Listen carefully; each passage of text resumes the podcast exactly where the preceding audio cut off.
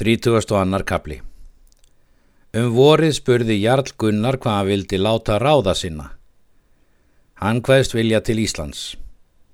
Jarlinn hvað vera illa ært í landi og mun vera lítil útsigling, en þó skalt þú hafa mjöl og við í skip þitt sem þú vilt.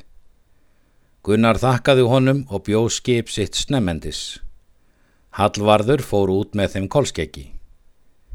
Þeir komu út snemma sumars og tóku Arnabælis ós og var það fyrir alþingi. Reið Gunnar þegar heim frá skipi en fekk menn til að riðja skipið og fór kolskeggur með honum. En er þeir komu heim urðu menn þeim feignir. Þeir voru blíðir við heimamenn sína og hafði ekki vaksið dram þeirra. Gunnar spurði hvort njál væri heima. Honu var sagt að hann var heima. Let hann þá taka hessin og reið til Berþórskvóls og kólskeggur með honum. Njátt var fegin komu þeirra og baða þeir skildu vera þar um nóttina. Þeir gerðu svo og sagði Gunnar frá ferðum sínum.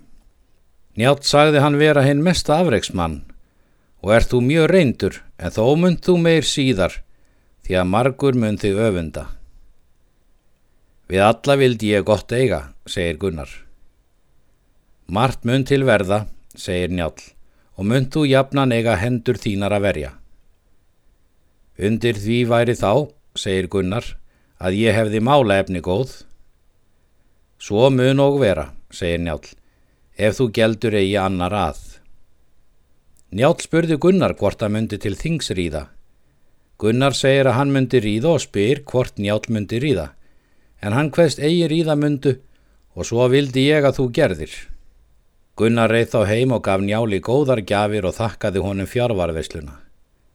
Kolskeggur bróður hans fýsti hann til að ríða til þings, mun þar vaksa sæmtín við, því að margur mun þar að þér víkja.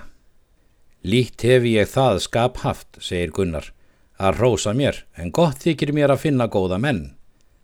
Hallvarður var og þar kominn og bauð að ríða til þings með þeim.